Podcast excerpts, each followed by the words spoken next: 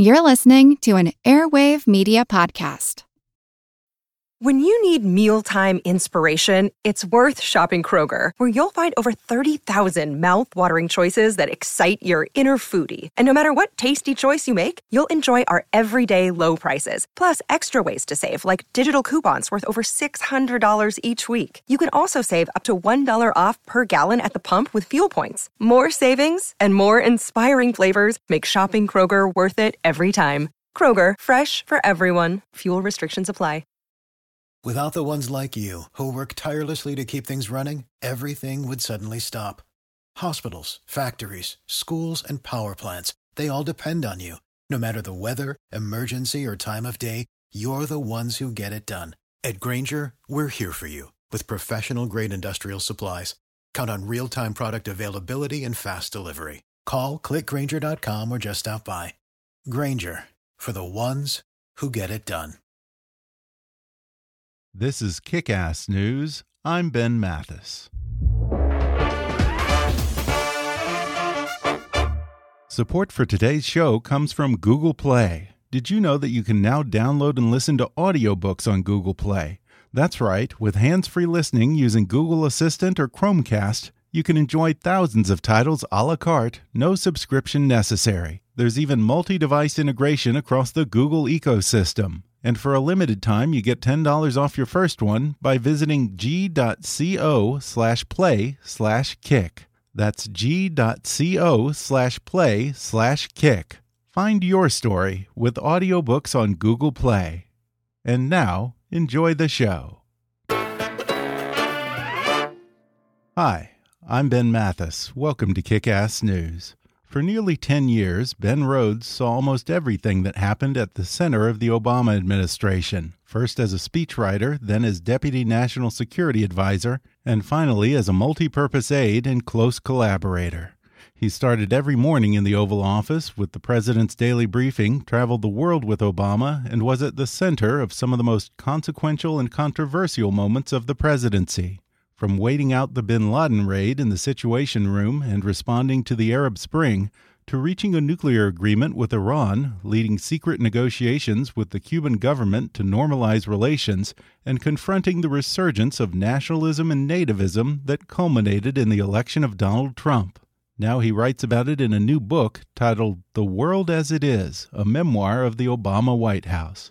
Today, Ben Rhodes comes on the podcast to talk about how he survived eight years in the White House, his close friendship with the most powerful man in the world, and what it was like to travel the globe representing America. Ben shares how the Arab Spring taught him that sometimes hope and change have to take a back seat to pragmatism in the big picture. He reveals how he secretly worked with the Pope to reopen relations with Cuba how sleeplessness led to some frayed nerves during the Iran nuclear negotiations, and how wild conspiracy theories around Benghazi continue to follow him even today.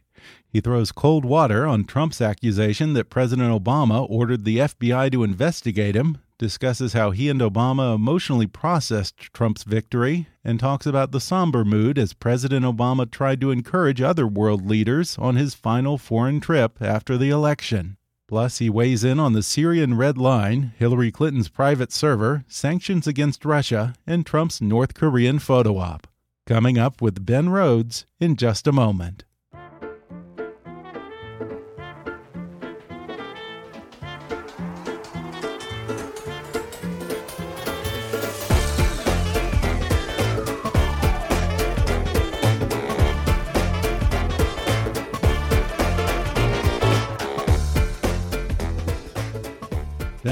Was a senior speechwriter and foreign policy advisor to the 2008 Obama presidential campaign before serving as deputy national security advisor to President Barack Obama from 2009 to 2017, overseeing the administration's national security communications, speechwriting, public diplomacy, and global engagement programming. He writes about his eight years in the Obama administration in a new memoir titled The World as It Is, a memoir of the Obama White House.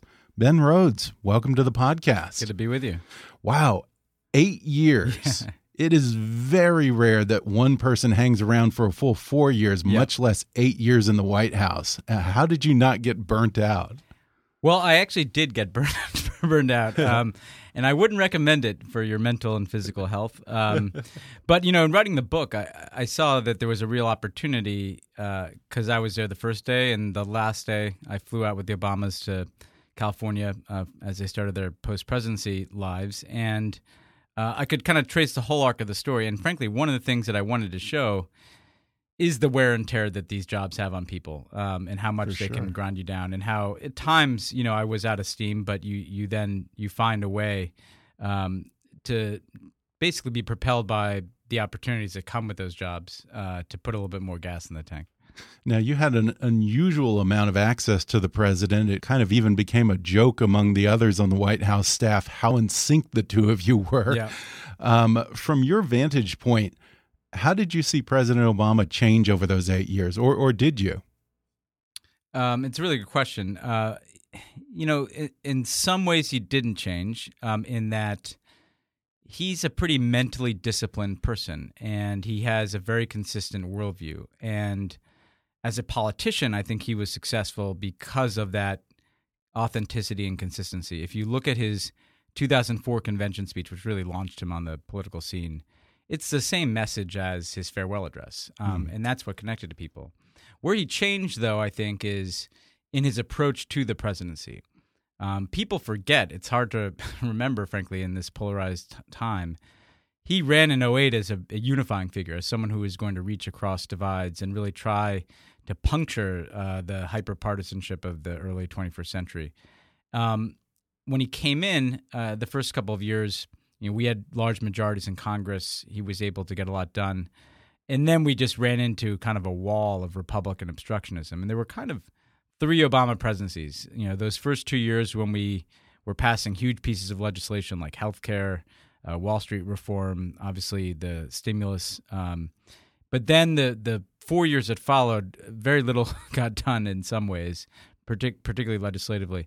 Yeah. Then the last two years, he found a different way to be president. Um, and I think those of uh, those people who followed him closely felt kind of a freedom in his actions, and he did things like embracing gay marriage fully, the Paris Climate Agreement. We did the opening to Cuba that I had worked on. He was kind of untethered. Um, you know, he, he found a way to just be himself in the office. Um, that I, I characterized in the book as you know he looked up after that last midterm election in 2014 and said I've got two years left uh, and I'm I'm not going to leave anything on the field, um, to use the sports metaphor. And and so he he changed in that regard, not in terms of who he was or what he believed, but and how he approached the job and where he he was willing to take risks. Yeah, and amid all of the partisan rancor in Washington and the intransigence in Congress you say that you guys actually looked forward to the foreign trips. Yeah. What was it like to land in a country on Air Force One, have the red carpet rolled out, and know for the next day or two you're actually there representing America? Well, that was the best part of the job, frankly. And yeah. one of the strangest parts of the job is, you know, that aura he had in 2008 in the United States, you know, where we kind of caught lightning in a bottle. Um, it never left abroad. You know, he was always seen as this transformative figure in just about every place that we went around the world. Mm-hmm. And so it was very odd to kind of leave the partisan and sometimes trivial back and forth in Washington and show up someplace and there's millions of people on the motorcade routes and I would sometimes go back to these places we'd visited years earlier and they'd be quoting back to me speeches he'd given you know speeches that barely registered here at home, but that no kidding um, in those other countries, S speeches that you probably wrote. Yeah, I had a very strange experience. Uh, I'll give one example. You know, I'd worked on the Cairo speech that he gave in 2009, yeah. um, and I was in Myanmar um, a couple years later, and I was at uh, the Myanmar Peace Center, which is a place that focuses on national reconciliation and interethnic dialogue, which uh, is badly needed in that country and I saw the Cairo speech translated into Burmese, and and you know it was strange to have written a speech not for that audience and see them kind of studying it. And I said, well, why are you doing this? You know, why why the Cairo speech? It has nothing to do with Myanmar. And they said, well, it's a speech about tolerance and how to get along with people who are different. And we thought that could be helpful here. So, you know, abroad, you found these strange ways in which people were pulling from the example of Barack Obama uh, to to connect it to their own story um, and and you got a sense of how he was a truly global figure, uh, even uh, if his presidency was highly contested at home. Now, I know that you don't like the term Obama doctrine, but yeah. how would you sum up President Obama's foreign policy agenda going into office? Well, you know, we went into office, you know, colored by crisis. Um, and, you know, the financial right. crisis and the Iraq war were kind of the two things that we had to deal with off the bat mm -hmm. um, that put us in a pretty deep hole. And I and I describe in the book the first long foreign trip we went on. You know, he's getting other countries to pitch in uh, to you know bail out the global economy. He went to a NATO summit. He's asking for more troops for Afghanistan, even after those allies kind of resented the Iraq War. Um, he's asking countries to take Guantanamo detainees. He felt like he was spending all of his political capital. He told me just to kind of keep things moving instead of being able to pick his own uh, foreign policy initiatives. I'd sum up how we approached it as he wanted to draw down and limit our military engagements in the Middle East, which he thought were not succeeding and kind of bleeding, uh, literally and figuratively, right. American resources. And that was one of his key campaign promises. key campaign promise. Probably the biggest. The biggest. And he wanted to draw that down so that we could focus on a broader agenda in the world so that we could focus on issues like climate change, so that we could focus on regions like the Asia Pacific that were going to be, frankly, more important than the Middle East to the future uh, of the United States. So um, the overarching project was uh, to try to draw down the wars and then broaden the set of issues that America was focused on the in the world, and that's where we got to at the end when we did the Paris Climate Accord, the opening to Cuba, uh, the Iran nuclear deal, um, which both prevented a war and solved a problem. You know that was the the purest manifestation of, of mm. what his foreign policy was about but it was a long way getting to those uh, yeah. between yes, Iraq and Afghanistan. Yeah. I mean, I think it does speak to his credit that he was, unlike the current president, able to go into office and reevaluate his positions based on new information and yeah. the advice from the military and intelligence communities. Yeah, it was a tough balance. I mean, I you know the first two or three years of our foreign policy was really dominated by Iraq and Afghanistan, and you know, I tell the story uh, of something that a lot of people probably don't remember that well, which was this Afghan review, where he simultaneously, um, you know, had to confront the reality that things in Afghanistan were going very badly at the beginning of his administration, and we had this proposal for a pretty massive uh, escalation in U.S. military involvement, and you know, it was interesting in writing the book. I, I actually reread The Best and the Brightest at the same time um, the book that David Halberstam wrote about yeah. escalation in Vietnam. And I saw these strange parallels. Um, you know, all the military advice is do more, provide more troops. And what Obama ended up doing that was interesting and very characteristic of him is he provided a lot of those troops, but he also um, fixed a timeline uh, to how long we would keep those levels of troops in Afghanistan. And that allowed him to both uh, surge forces there and and make a lot of progress against Al Qaeda, including taking out Bin Laden in that part of the world. But it also kept us from getting on a, a slippery slope to kind of permanent mm-hmm. escalation there. Um, but you know, it was a it, it was a process that was very uh, fact based. You know, let's evaluate the problem. Let's set out clear objectives for what we're trying to do. But let's also be clear about what we're not trying to do. And and he kept reminding the military, we're not going to to fix Afghanistan. We're not going to be able to to make it a kind of a, a well functioning government. You know, the, the, Afghans have to do that themselves, um, and that allowed him uh, to deal with those issues while not letting his presidency get overwhelmed by them. Just as you're starting to get somewhere in Iraq and Afghanistan, of course, the Arab Spring breaks out yeah, and yeah. derails everything. You were one of the voices in the administration calling for intervention while some of the old guard wanted to stay out of Egypt and Libya yeah. and then Syria.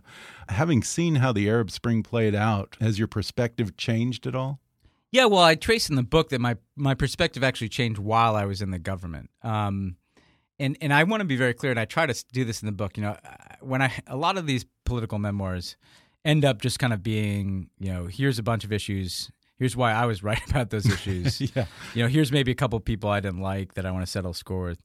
I want to make clear that uh, to this day, I, I can't. I, nobody can know for certain that they were right or wrong on these foreign policy issues, and I, I wanted to show that complexity. At the outset of the Arab Spring, I saw the hopeful opportunity in it. You know that here is people in Egypt expressing a desire for democratic change. Um, we had, I thought, an obligation to test whether or not we could help that succeed. Um, in Libya, uh, we had uh, uh Gaddafi lose control of ba- basically half of his country and then basically go to war with that uh, other half. And we had the chance with a military intervention to essentially stop him on the outskirts of a city where he was going to massacre potentially tens of thousands of people. Um, and in Syria, I saw things start to fall apart. And I was uh, arguing there too, we should get involved militarily.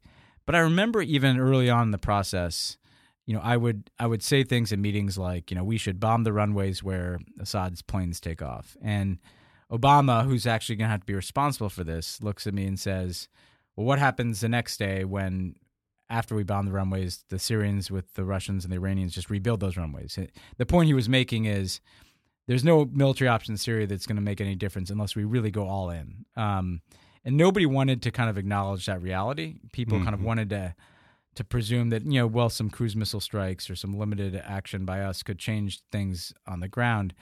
And I analytically um, came to understand that, even if emotionally I felt mm-hmm. like we had to do something. I just had to to be intellectually honest, um, reckon with the fact that you, we can't just keep doing things for the sake of doing them. And I think that sort of gets to the title of the book, yes. uh, The World as It Is. That was something that President Obama said to you. You guys want to deal with the world that you want and well, focus on that, but the, yeah, it's not practical always. That's right. And there's an irony in the title, which is it, the, the formulation that he would use is – you have to see the world as it is in order to pursue the world as it ought to be. Mm-hmm. Um, and, and so it's this kind of blend of realism and idealism because his point is it's not like we throw up our hands and say this is a tough world, so it's not even worth trying. But his point was if you don't reckon with the reality of the world as it is, then you won't be effective in actually pursuing the more idealistic vision of, of how the world should be.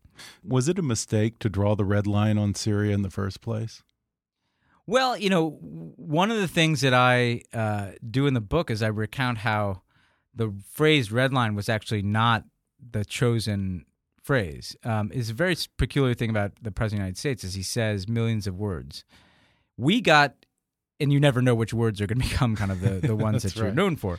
We got indications in 2012 that Syria might use chemical weapons and we sent these private messages that I described to, to Assad and to Russia and Iran, kind of warning them, don't do this, you'll be held accountable. And we crafted public language that was very precise, you know, if you do this, you will be held accountable, um, which didn't necessarily translate directly to we'll go to war against you. In a press conference, uh, Obama was asked uh, what might lead him to change his thinking on Syria. And he said if there's chemical weapons used, that would be a red line. Mm-hmm and it wasn't like that was the um, the the result of some careful process. Okay. Um, it, so I don't know if mistake is the right word, but it certainly wasn't. It was one of these cases where um, un- unintentionally um, that phrase in a press conference, probably thirty minutes yeah, in, suddenly becomes suddenly policy. becomes policy, right? and it was obviously the case after this massive chemical weapons attack that um, we were going to have to do something to respond. And I take the reader through this very intense week where at the beginning of the week, I had every ex- expectation that we were going to bomb Syria. And I think Obama did too. Um, and then what happened is all the factors that you would want to, to materialize positively kind of collapsed. The, the international support didn't come together. Um, the British had a vote in Parliament to, about whether or not to join us and voted against it. Angela Merkel, you know, his closest partner, said she couldn't support it. Um, Congress yeah. started to warn us if we did this without congressional authorization, it would be unconstitutional. The Republicans who yeah. demanded action suddenly exactly saying, they did, they were the ones asking for it, and then yeah, it was complete hypocrisy. play both sides of the issue. Yeah, it was yeah. A, it was the ultimate sign that all they if Obama was for something, they were against it. You know, yeah, these are the people who political football. Yeah, they'd given a, a Bush a blank check to do whatever the heck he wanted as commander in chief. By the way, when Trump bombed Syria nobody raised this issue of congressional authorization. You're right. Um, yeah. But when Obama even you know hinted at it, suddenly they're saying it'd be unconstitutional if you didn't do this, and he was worried. He told me, you know, they could impeach him. Um, it, you know, they laid down a marker. Um, And so what he said is, look, I will go to Congress, and if they give me this authorization, I'll be in a much stronger position if I do something to sustain that action. Because I think he believed that you weren't going to have a one-off strike. If you're going to change things, this is going to be a long-term proposition. And if I can't get that congressional support, then I shouldn't do this because I'll be isolated at home and abroad, and I don't have a good military option for Syria. And that's ultimately what happened. And and we ended up uh, instead of going to war, um, having this diplomatic agreement to remove a significant amount of chemical weapons uh, with the Russians. And one of the very few moments that just was a pure victory for President Obama, whether you were a Democrat or Republican, was, of course, the bin Laden raid. Yeah. You were there for that. How did that weekend play out for you? Well, you know, I wanted to let people experience how strange it was to know this secret that that like 20 people in Washington knew yeah. and nobody else did. You know, I was in these meetings um, leading up to Friday where Obama had to make a decision about whether or not to to launch this operation to get Bin Laden. We didn't know for sure Bin Laden was in the compound. Uh, things could go wrong. This is a special operation deep inside of a uh, another country that we were not, you know, uh, actively at war with. Um, he decides to do it that weekend uh, was I, I, wanted people to see the kind of strange personal dynamics that can emerge. So first, my brother was staying with me because it was the weekend of the White House Correspondents' Dinner, which is this kind of absurd annual exercise yeah, ritual. Talk about a juxtaposition. Yeah, and my brother's the president of CBS News, um, and so here I am. I know the the most you know precious news story in the world that's going to take place. And you know i've got somebody staying with me who's the head of one of the ma- major news organizations in the country. And i you know just not telling him what i'm doing while i'm at work on that saturday. Then that saturday night none of us wanted to go to this dinner which you know people probably know about because every year some comedian offends somebody and it's mm-hmm. kind of a tempest in a teapot. But if none of us showed up all the journalists would be like, "Well, wait, yeah. where are all the national security Big people?" I mean, talk about tip off. so we had to go to just kind of keep up appearances. Then, in a kind of supreme irony, this is the year that Trump had really pushed the birther uh, uh, thing, and, and Obama had to release his birth certificate, and Trump was at this dinner. And so then Obama gets up and gives this kind of comedy routine, just taking Donald Trump apart. Um, and I'm sitting there just thinking, like, we got to get to bed to get to this Bin Laden thing in the morning. Yeah. Um, so the you know we we kind of put on this front, false front, you know that that nothing unusual is happening that night. next morning, we go into work and we are sitting in the situation room and essentially the, the, the head of special operations is narrating this operation for us and at the very beginning it seemed like it was going to go terribly wrong because a helicopter kind of crashed yeah. it clipped the top of the compound history could have been very different if that heli- the pilot didn't somehow steady that and land it um, but then within a few minutes, everything just went perfectly, which doesn't often happen in government. You know, Bin Laden was there; he was killed. Um, no U.S. troops were harmed. And I remember, and I described going outside the White House to just get a few minutes to myself because I never wanted that moment to end. you know, you ever have a situation where you're like, "Yeah, I just want time to stop here for a few minutes because it's never going to be quite this good." Yeah, because I'm sure you know that the next day or the day after yeah. that, it's going to be back to the same old battle. Yeah, exactly. Has your brother ever forgiven you for not tipping him off? well, you know, and it was funny. I remember that Sunday morning I woke up and I had to go to work on a Sunday, which is not normal. And my brother's staying with me, and I was like, should I tell him anything about where I'm going? And I was like, oh, no, I'm just going to take a shower and just get out of here. Um, and so I, we never talked about it. Uh, my wife when I got home that night uh, after Obama made his remarks to the nation, I got home at like midnight or one o'clock in the morning. And the first thing she said to me when I walked in uh, the door is, uh, "Do you think he told Michelle?" you know, she's thinking like, uh, "I wonder if he didn't Good tell question. his wife." We're going to take a quick break, and then I'll be back with more with Ben Rhodes when we come back in just a minute.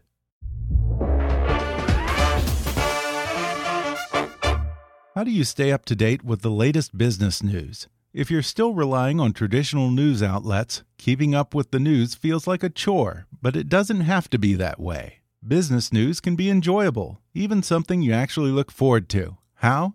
It's called Morning Brew, and it's a free daily email newsletter that delivers the latest business news directly to your inbox every weekday morning. The writers at Morning Brew curate the top business stories that you should know about and deliver them in a conversational and witty tone. Best of all, it's just a quick five minute read. Seriously, imagine getting all the information you need to start your day in just five minutes and enjoying every second of it.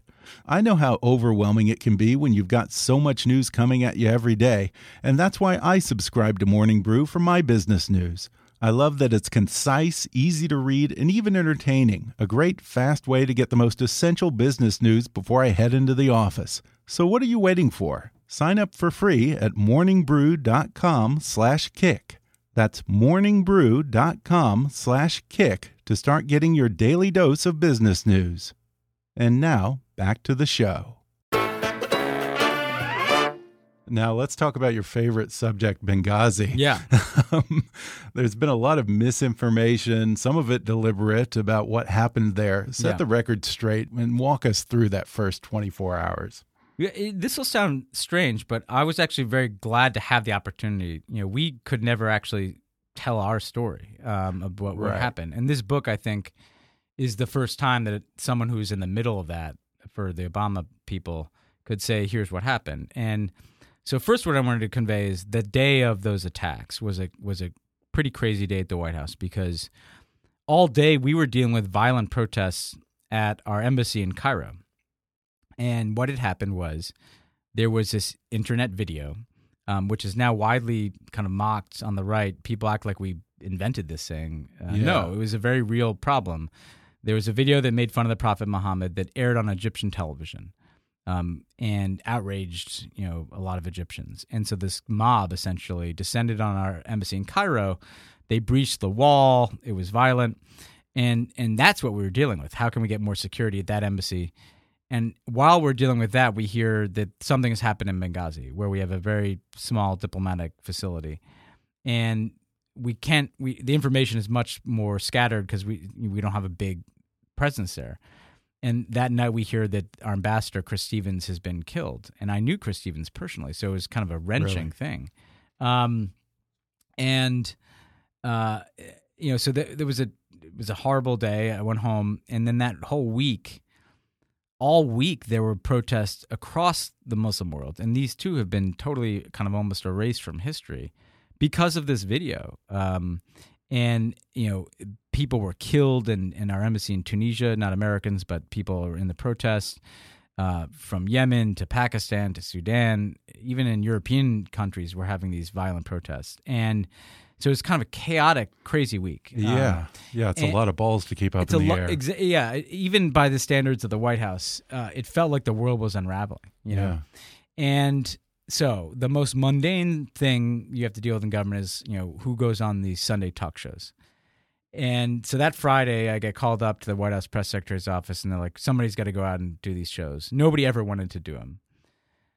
It was my job um, to to go find the person who could do it. So um, I asked Hillary Clinton. They didn't even respond because uh, you know she was tired, and frankly, you know who wants to do that. Uh, I asked our national security advisor. He didn't want to do it. Susan Rice is much more of a kind of a trooper, so she said, "Okay, I'll, I'll do this, but can you just put together some prep materials for me?" And I describe in the book, um, I probably spent five minutes cutting and pasting what we would call press guidance. So every day when the White House press secretary goes out, you have a bunch of Q's and A's for him. And the most mundane part of my day, five minutes of me just kind of compiling these materials into a document, uh, ended up getting talking points from the CIA about you know what's the latest about what we think happened in Benghazi. Kind of drop that into that document, send it off to her. That became like the the, the beating heart of a four year conspiracy theory Yeah. th- this completely mundane, uh, you know, the the allegation basically became that we were hatching some kind of diabolical conspiracy. We were inventing stories about this video. We were deliberately choosing to lie about what happened in Benghazi to to I don't know somehow cover something up. Although it was never clear to me what we were supposed to have been covering up. And what I realized is in writing this is that you know Benghazi would flare up. Something would happen to bring it back in the news. You know, mm. the Republicans would you know, claim that they'd found some smoking gun or something, and it would always end up being debunked. But it was enough to get a lot of media attention. But then it wouldn't go away. And what I realized is when it wasn't front and center in Washington, you know, I had a, a- a White House Twitter account, And I could look at this, and you know, most days, like a, you know, a few dozen people might tweet at me, but then every now and then there'd be like thousands of people. There'd be this giant surge Hmm. of you know, you killed people in Benghazi, you helped the Muslim Brotherhood in Benghazi, and and what I realized is that I couldn't see it, but somewhere out in America, like there was a talk radio segment running, or Infowars, Yeah. or Breitbart was running a piece, and and I kind of got acquainted with the right wing Yeah. media ecosystem. They were pumping oxygen into this outrage machine, and each each time it did come back in the news, the the, the outrage would be that much greater. And you know, two years after Benghazi happens, you know, I'm getting chased up the stairs with my dry cleaning with a Fox News camera crew like yelling at me. I I, I was kind of um, uh, darkly amused at the outroar over you know Sarah Sanders not getting you know seated at a red hen. I had death threats for like four years. No okay? kidding. I had Secret Service patrolling my street because of like threats of physical violence, not because I was denied a meal at the Red Hen. You know, um, and, and but to me it explains Trump because this kind of conspiracy theory minded uh, view of the world, fed by people who are living inside of kind of a hermetically sealed media Mm-hmm. environment, enabled by kind of congressional Republicans who are more than happy to kind of ride that wave. Um, you know that there's a pretty direct line from that brand of politics and media to Trump getting out of that Republican field. hmm And, and as someone in the foreign policy field, when you look at places like Africa and also former Soviet satellites and so forth, you've personally seen how dangerous those conspiracy theories can be. That's a great point um, that I actually hadn't thought of. That basically, you know, I've seen in other countries their their countries being destabilized by conspiracy theories. Mhm. They they spread like wildfire. I mean, in in in Myanmar, frankly, a lot of the the ethnic cleansing that took place last year, there were weird conspiracy theories about what Muslim minorities were doing, and and in Benghazi, in a way, we became more, you know, a conspiracy theory. Um, I mean, I'll tell you a very quick story of like I met somebody recently who was a very nice woman who didn't know who I was, and she was talking about how terrible Benghazi was, and I thought this is a great opportunity. I can finally kind of almost undercover ask this person, and I asked her like, "What do you think we were covering up?"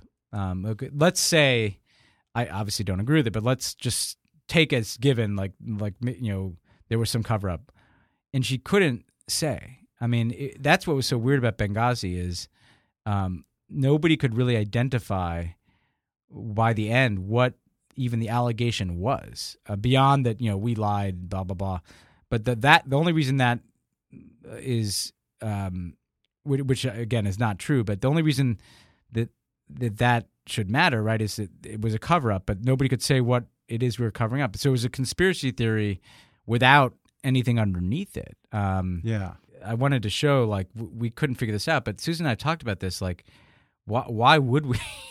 why would we have like risked you know our lives and reputations Yeah. to like have her on the Sunday shows make up a story about a video? Like it it, Yeah. it doesn't. It's so illogical. But if you look at Trump today, it makes sense, right? Because a lot of what Trump says Yeah. is totally logical but people choose to believe it. Yeah, and Benghazi, along with the email server, became just this cudgel to bludgeon Hillary Clinton over Yeah. the head nonstop with. Um, I guess that I could say that maybe the, the server was careless. I've never seen any malicious intent behind it or intent to get away with anything. Um, privately, was President Obama upset when he found out that she hadn't been maybe as careful as she could have been with those emails? Yeah, you know, I uh, um, first of all, this they found that through the Benghazi committee. so so all roads kind of lead That's to right. Benghazi. It was the Benghazi committee that somehow. I forgot that. Um, I think that when we found, and I remember I learned about this in the press. You know, when they kind of put it out, and I thought, and I think President Obama, it was just strange. You know, um, it, it, I don't think we thought like, wow, this was some plot from her to, you know, it was just kind of a strange thing to do to have a private email server. Um, and it did violate, you know, you're supposed to use only government emails for government business. Now, I will let you in on a secret. Like, nobody is perfect in that. I mean, the Trump people, I guarantee you that occasionally when you can't log on to your work email, you know, you, you send one email on a Gmail, Yeah. right? Well, he So- still has his personal iPhone. Yeah, exactly. So, so some some of that is to be expected, but having taken the extra step of having a personal server is pretty unusual, and frankly, um, it, it, it just unnecessary, right? Mm-hmm. So I think we our reaction was this is was kind of bizarre. Um, but I, I, I, you know, I guess if you're, you know, a former first lady and uh, you know, that's a different kind of life, right? And and uh, the scrutiny that that came down on it is so. Um,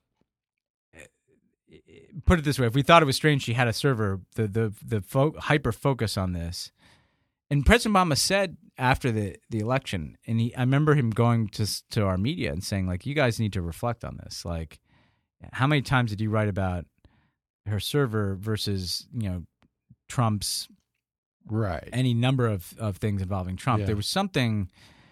Something kind of broke in American politics and media uh, in the way that election was covered that um, uh, that again I, I, understand from having lived it for 10 years that the, these kind of trivial stories and the mainstream media's fear of being called biased causes them to like hyperventilate about these stupid things like her server. Um, but uh, you know, we're living with the consequences of that.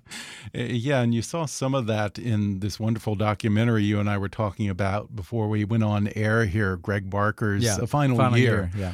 Um, in that final year or so, Obama's presidency seemed to take on a fresh sense of urgency. Yeah. I don't think I've ever seen a president more resistant to the usual lame duck curse yeah. and more determined to run out the clock than President Obama.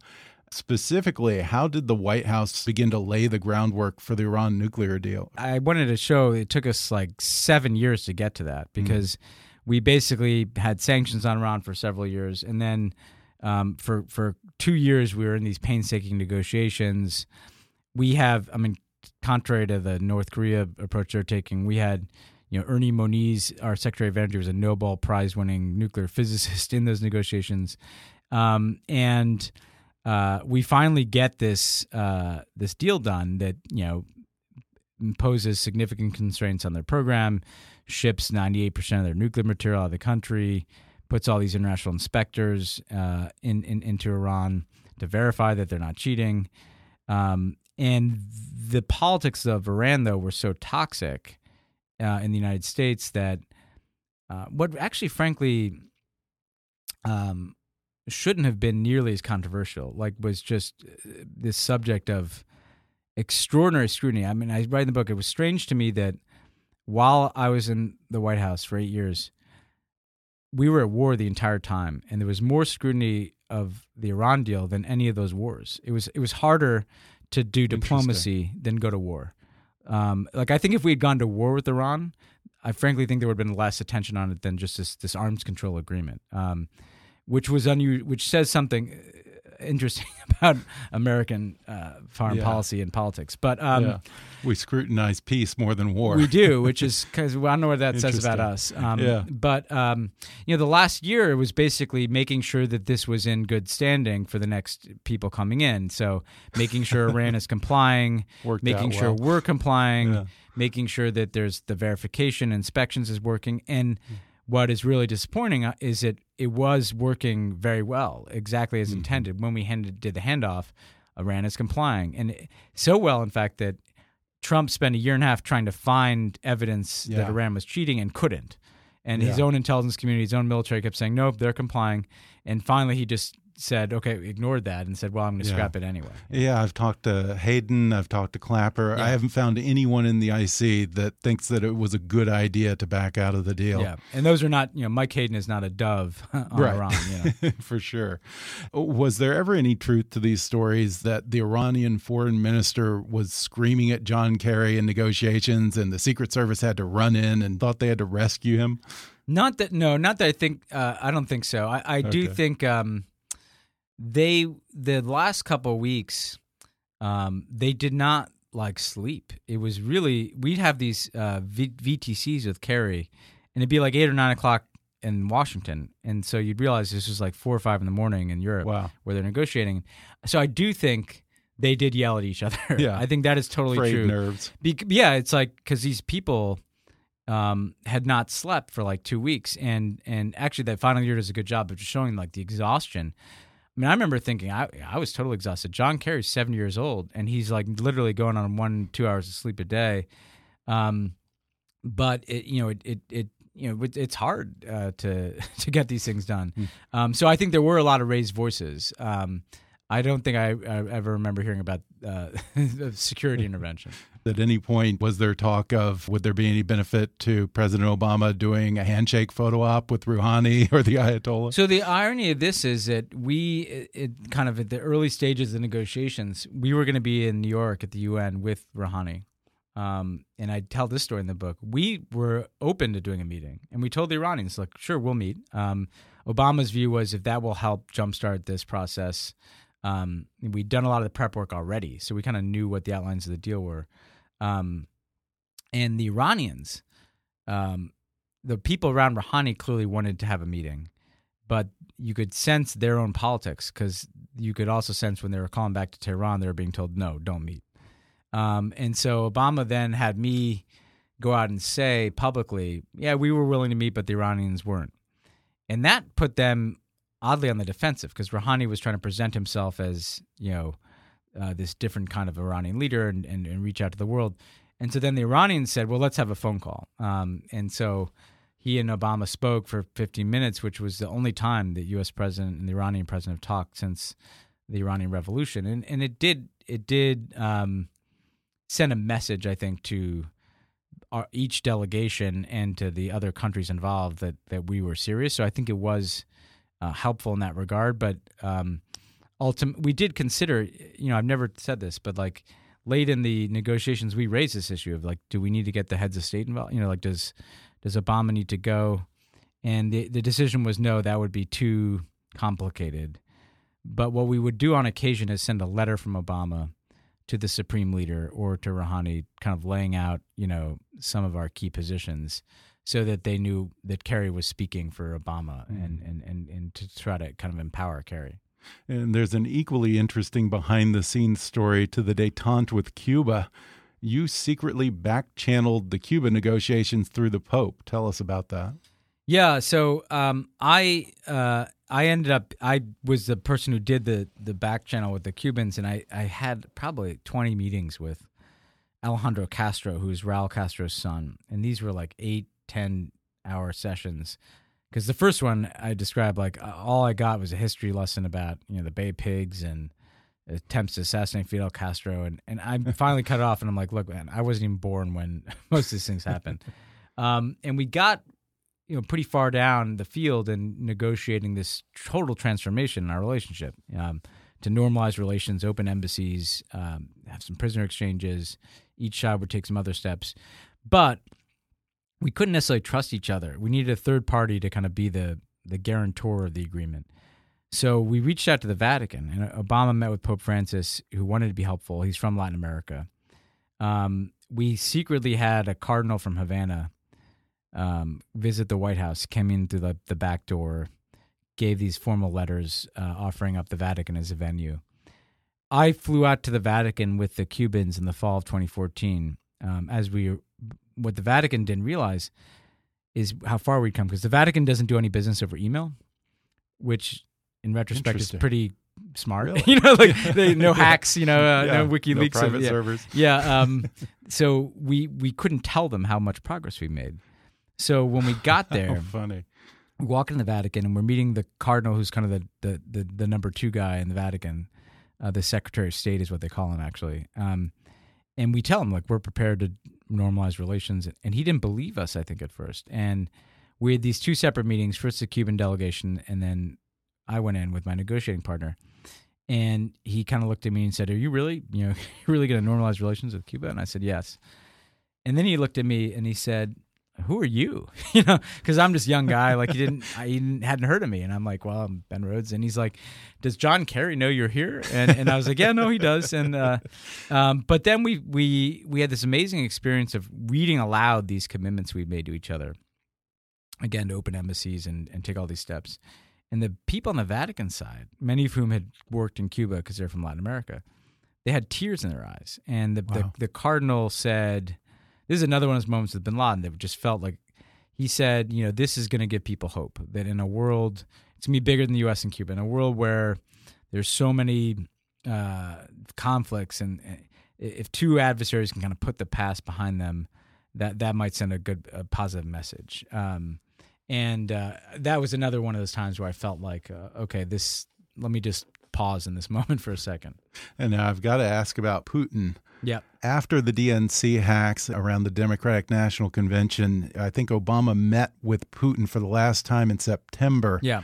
That was their last one on one meeting. Yeah. Was it pretty tense? It was really tense. Um, we, um, uh, I was, so I was in the meeting with, it was just me, John Kerry, and Susan Rice. Um, the first kind of hour plus was about Syria and Ukraine, the two issues that had kind of dominated the descent of our relationship. And Putin was very antagonistic. Um, I remember he he had I quote some crazy line he used about John John Brennan. Uh, you know, he was describing our effort to to support the opposition, but not the terrorist elements in opposition. And he said, you know, you have asked John Brennan to climb up a spruce tree naked without getting a scratch on his ass. and I mean, that's the kind of way that Vladimir Putin could sometimes speak, you know. At the end of that meeting, uh, Obama pulled him aside just one on one with Susan Rice there. Uh, and it, so I didn't hear the discussion, but that's where they discussed the hacking. Mm-hmm. And Obama, uh, you know, uh, essentially warned him, you know, we know what you're doing, cut it out. We can engage in retaliatory measures. Um, and, um, but by then, you know, I think Putin, you know, my, the, my theory that I relay in the book is that when the government in Ukraine, the pro-Russian government in Ukraine collapsed in the face of protests, that, that Putin thought we were behind that. I don't agree with that, but he, I think he really did believe that. So he was going to come. He thought Ukraine was part of Russia, so he thought we were basically coming into Russia. Okay, we were meddling in Russia's affairs. So he was going to do it back. Um, and and I, I I truly believe that that that was the breaking point for Putin. And um, and he basically took the information warfare capability that they had developed around Ukraine and used to p- disseminate a lot of fake news about Ukraine and to discredit people. And he just brought it to the United States. Now, Trump has tried to push this conspiracy theory, another conspiracy theory, that Obama tasked the Justice Department with investigating his campaign. But one revelation that comes out in your book is apparently you say Obama didn't even know there was an FBI investigation Yes. into the Trump campaign. Yes, um, I mean, of all, I mean, well, Trump says a lot of things that are false. I mean, this is completely an insane uh, theory that he's propagated. Um, the FBI, when they're conducting criminal investigations of Americans or counterintelligence of Americans, they don't brief the White House. There, there, there's an, there, there used to be at least such a thing as independence of Right. of law enforcement. The the only time that I w- that we would be brought in is if it was like a, a terrorist plot, right? And so the FBI has to tell us, you know, like, hey, there's there's this terrorist cell, and but if they're just say investigating, you know, ex Trump age, uh, associate, they don't tell us that. I learned about the fact of an FBI investigation in the Trump campaign from the press in 2017. And I was Really? deputy national security advisor, consumer of the presidential daily briefing. Wow. Um, so there, there, there really was this kind of bright line between you know the White House and law enforcement that I think people don't, on the outside, they don't understand. And Trump is taking advantage of that lack of understanding to try to muddy the waters here. Um, uh, to, the the bizarre thing, of course, is that Comey thought it was somehow appropriate to discuss at length the, the Hillary Clinton investigation while not telling anybody about the uh, Trump one. Um, but yes, there's there's no. Not only did we not know that, the, the idea that a president could direct the FBI. You know, a lot of what you to understand Trump and the Republicans sometimes you have to understand this projection. So they assume that Obama would do what they want to do, like they would like Trump would like to be able to direct the FBI do things. So uh, he's thinking, oh, well, of course Obama did that. Um, okay. but we literally could not do that if we wanted to. It's not how the Yeah. FBI works. Yeah. Trump wins the election, and you, you get this very nice note from President Obama, I think the day after that night, that sort of tries to put things into perspective.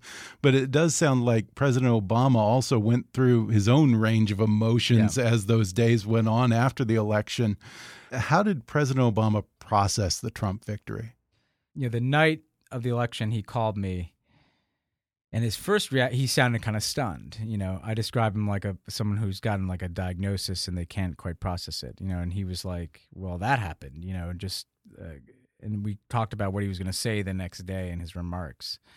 He emails me that night as I'm walking home, like three in the morning. I get this email from him. You know, there are more stars in the sky than grains of sand on the earth, and he was always kind of tr- urging us to keep a broader view and put things in perspective. That's about as broad as you can get, Yeah. right? Uh, in the days after, he kind of went through the cycles that a lot of us went through. You know, how much of this was the Comey letter? You know, how much of this was was Hillary's campaign? He got kind of angry. He, you know, he told me it's like Trump never could have been elected in a real crisis. So, in like, uh, if there was a financial crisis, like when Obama was elected, people wouldn't have taken a chance on Trump.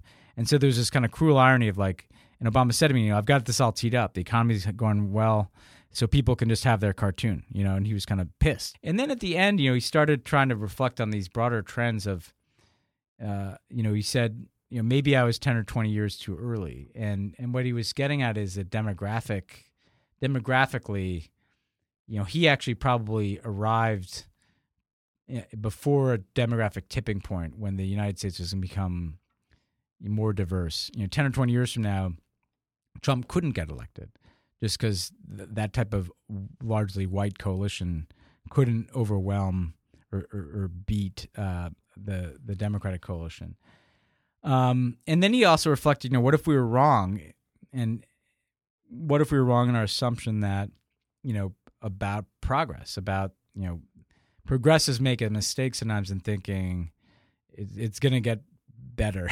Things are become more inclusive, more tolerant, and uh, we we what if we didn't fully anticipate the the the potency of uh, the kind of backlash politics that Trump represented, that Brexit represented, and I think we may have been because Obama won so decisively, not just in 08, but 12.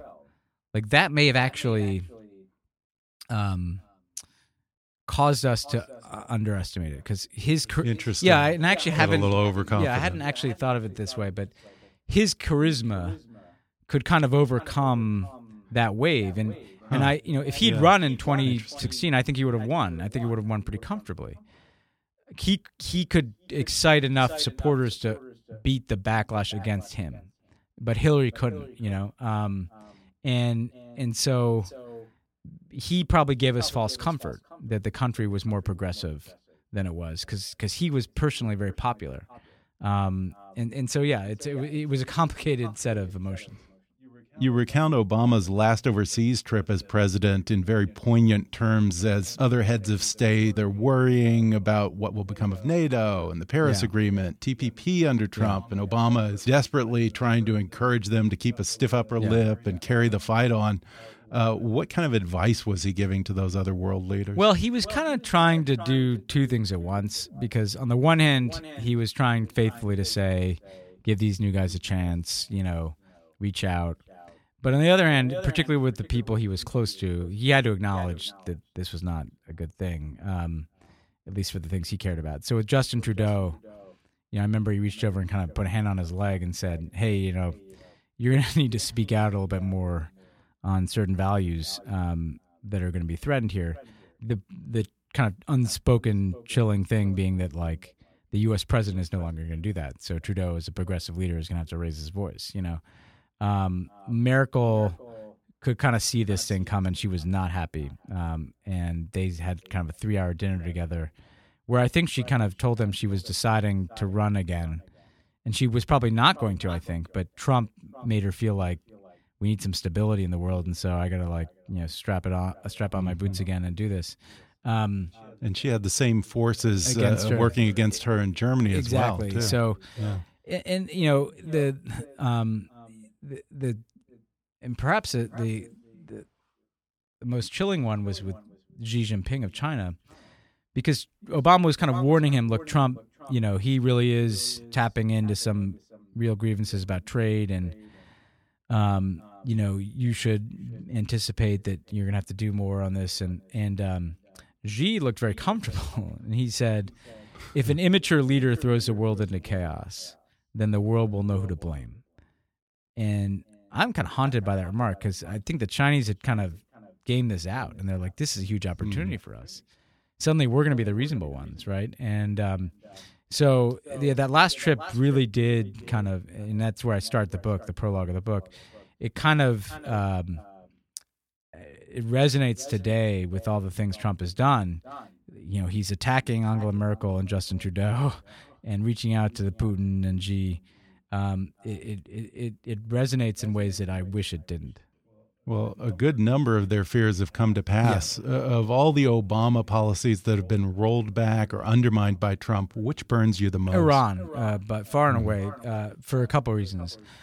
Um, one is it's the only one that is irrecoverable, I think, in a way. Like Paris, the whole world is still in the Paris Agreement, and the next U.S. president can just re-enter the Paris Agreement. Um, and yes, we will have lost a lot of time in our own, you know, actions against climate change, but that agreement can still be, you know, a, a real legacy item.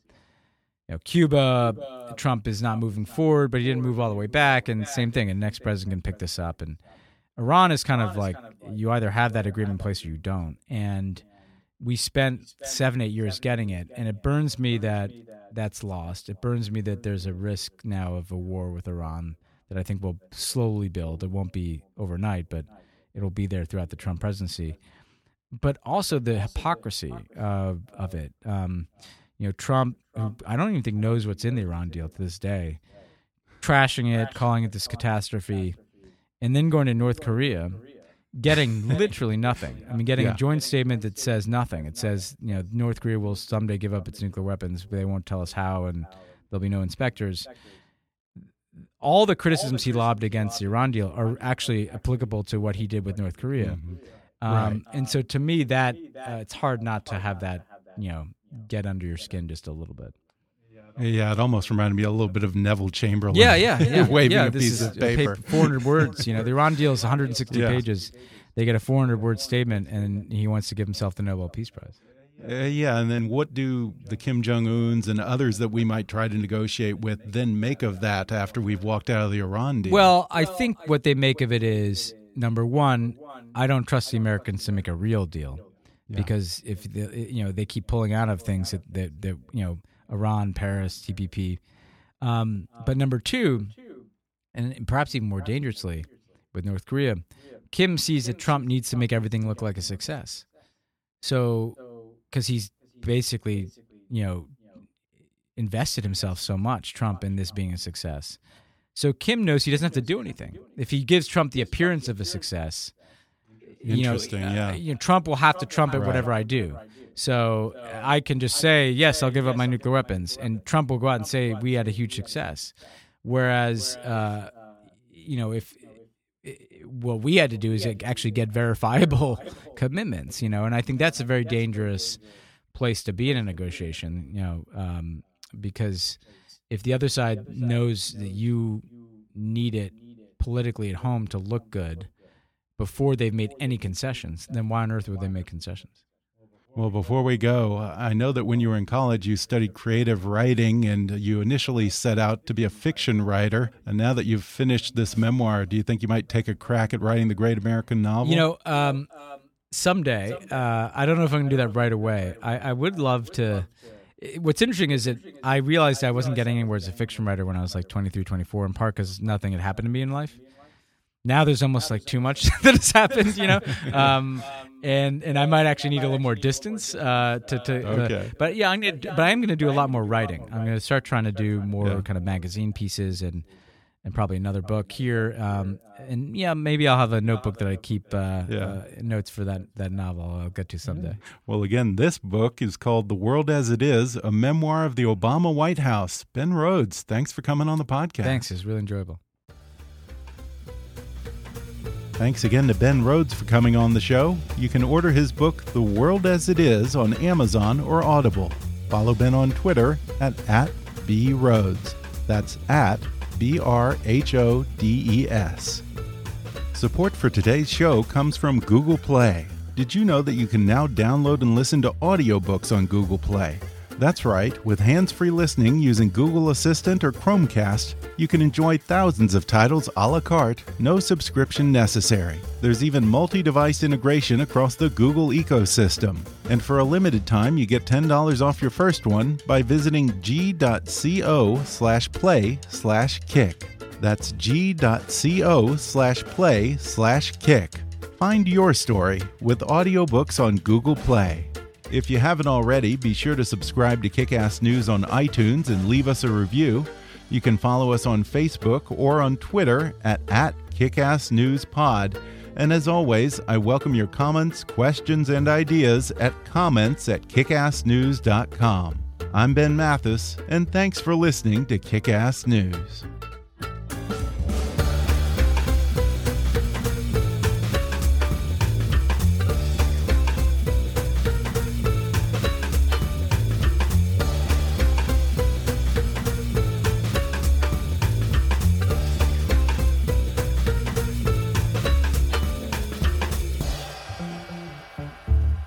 Kickass News is a trademark of Mathis Entertainment, Inc.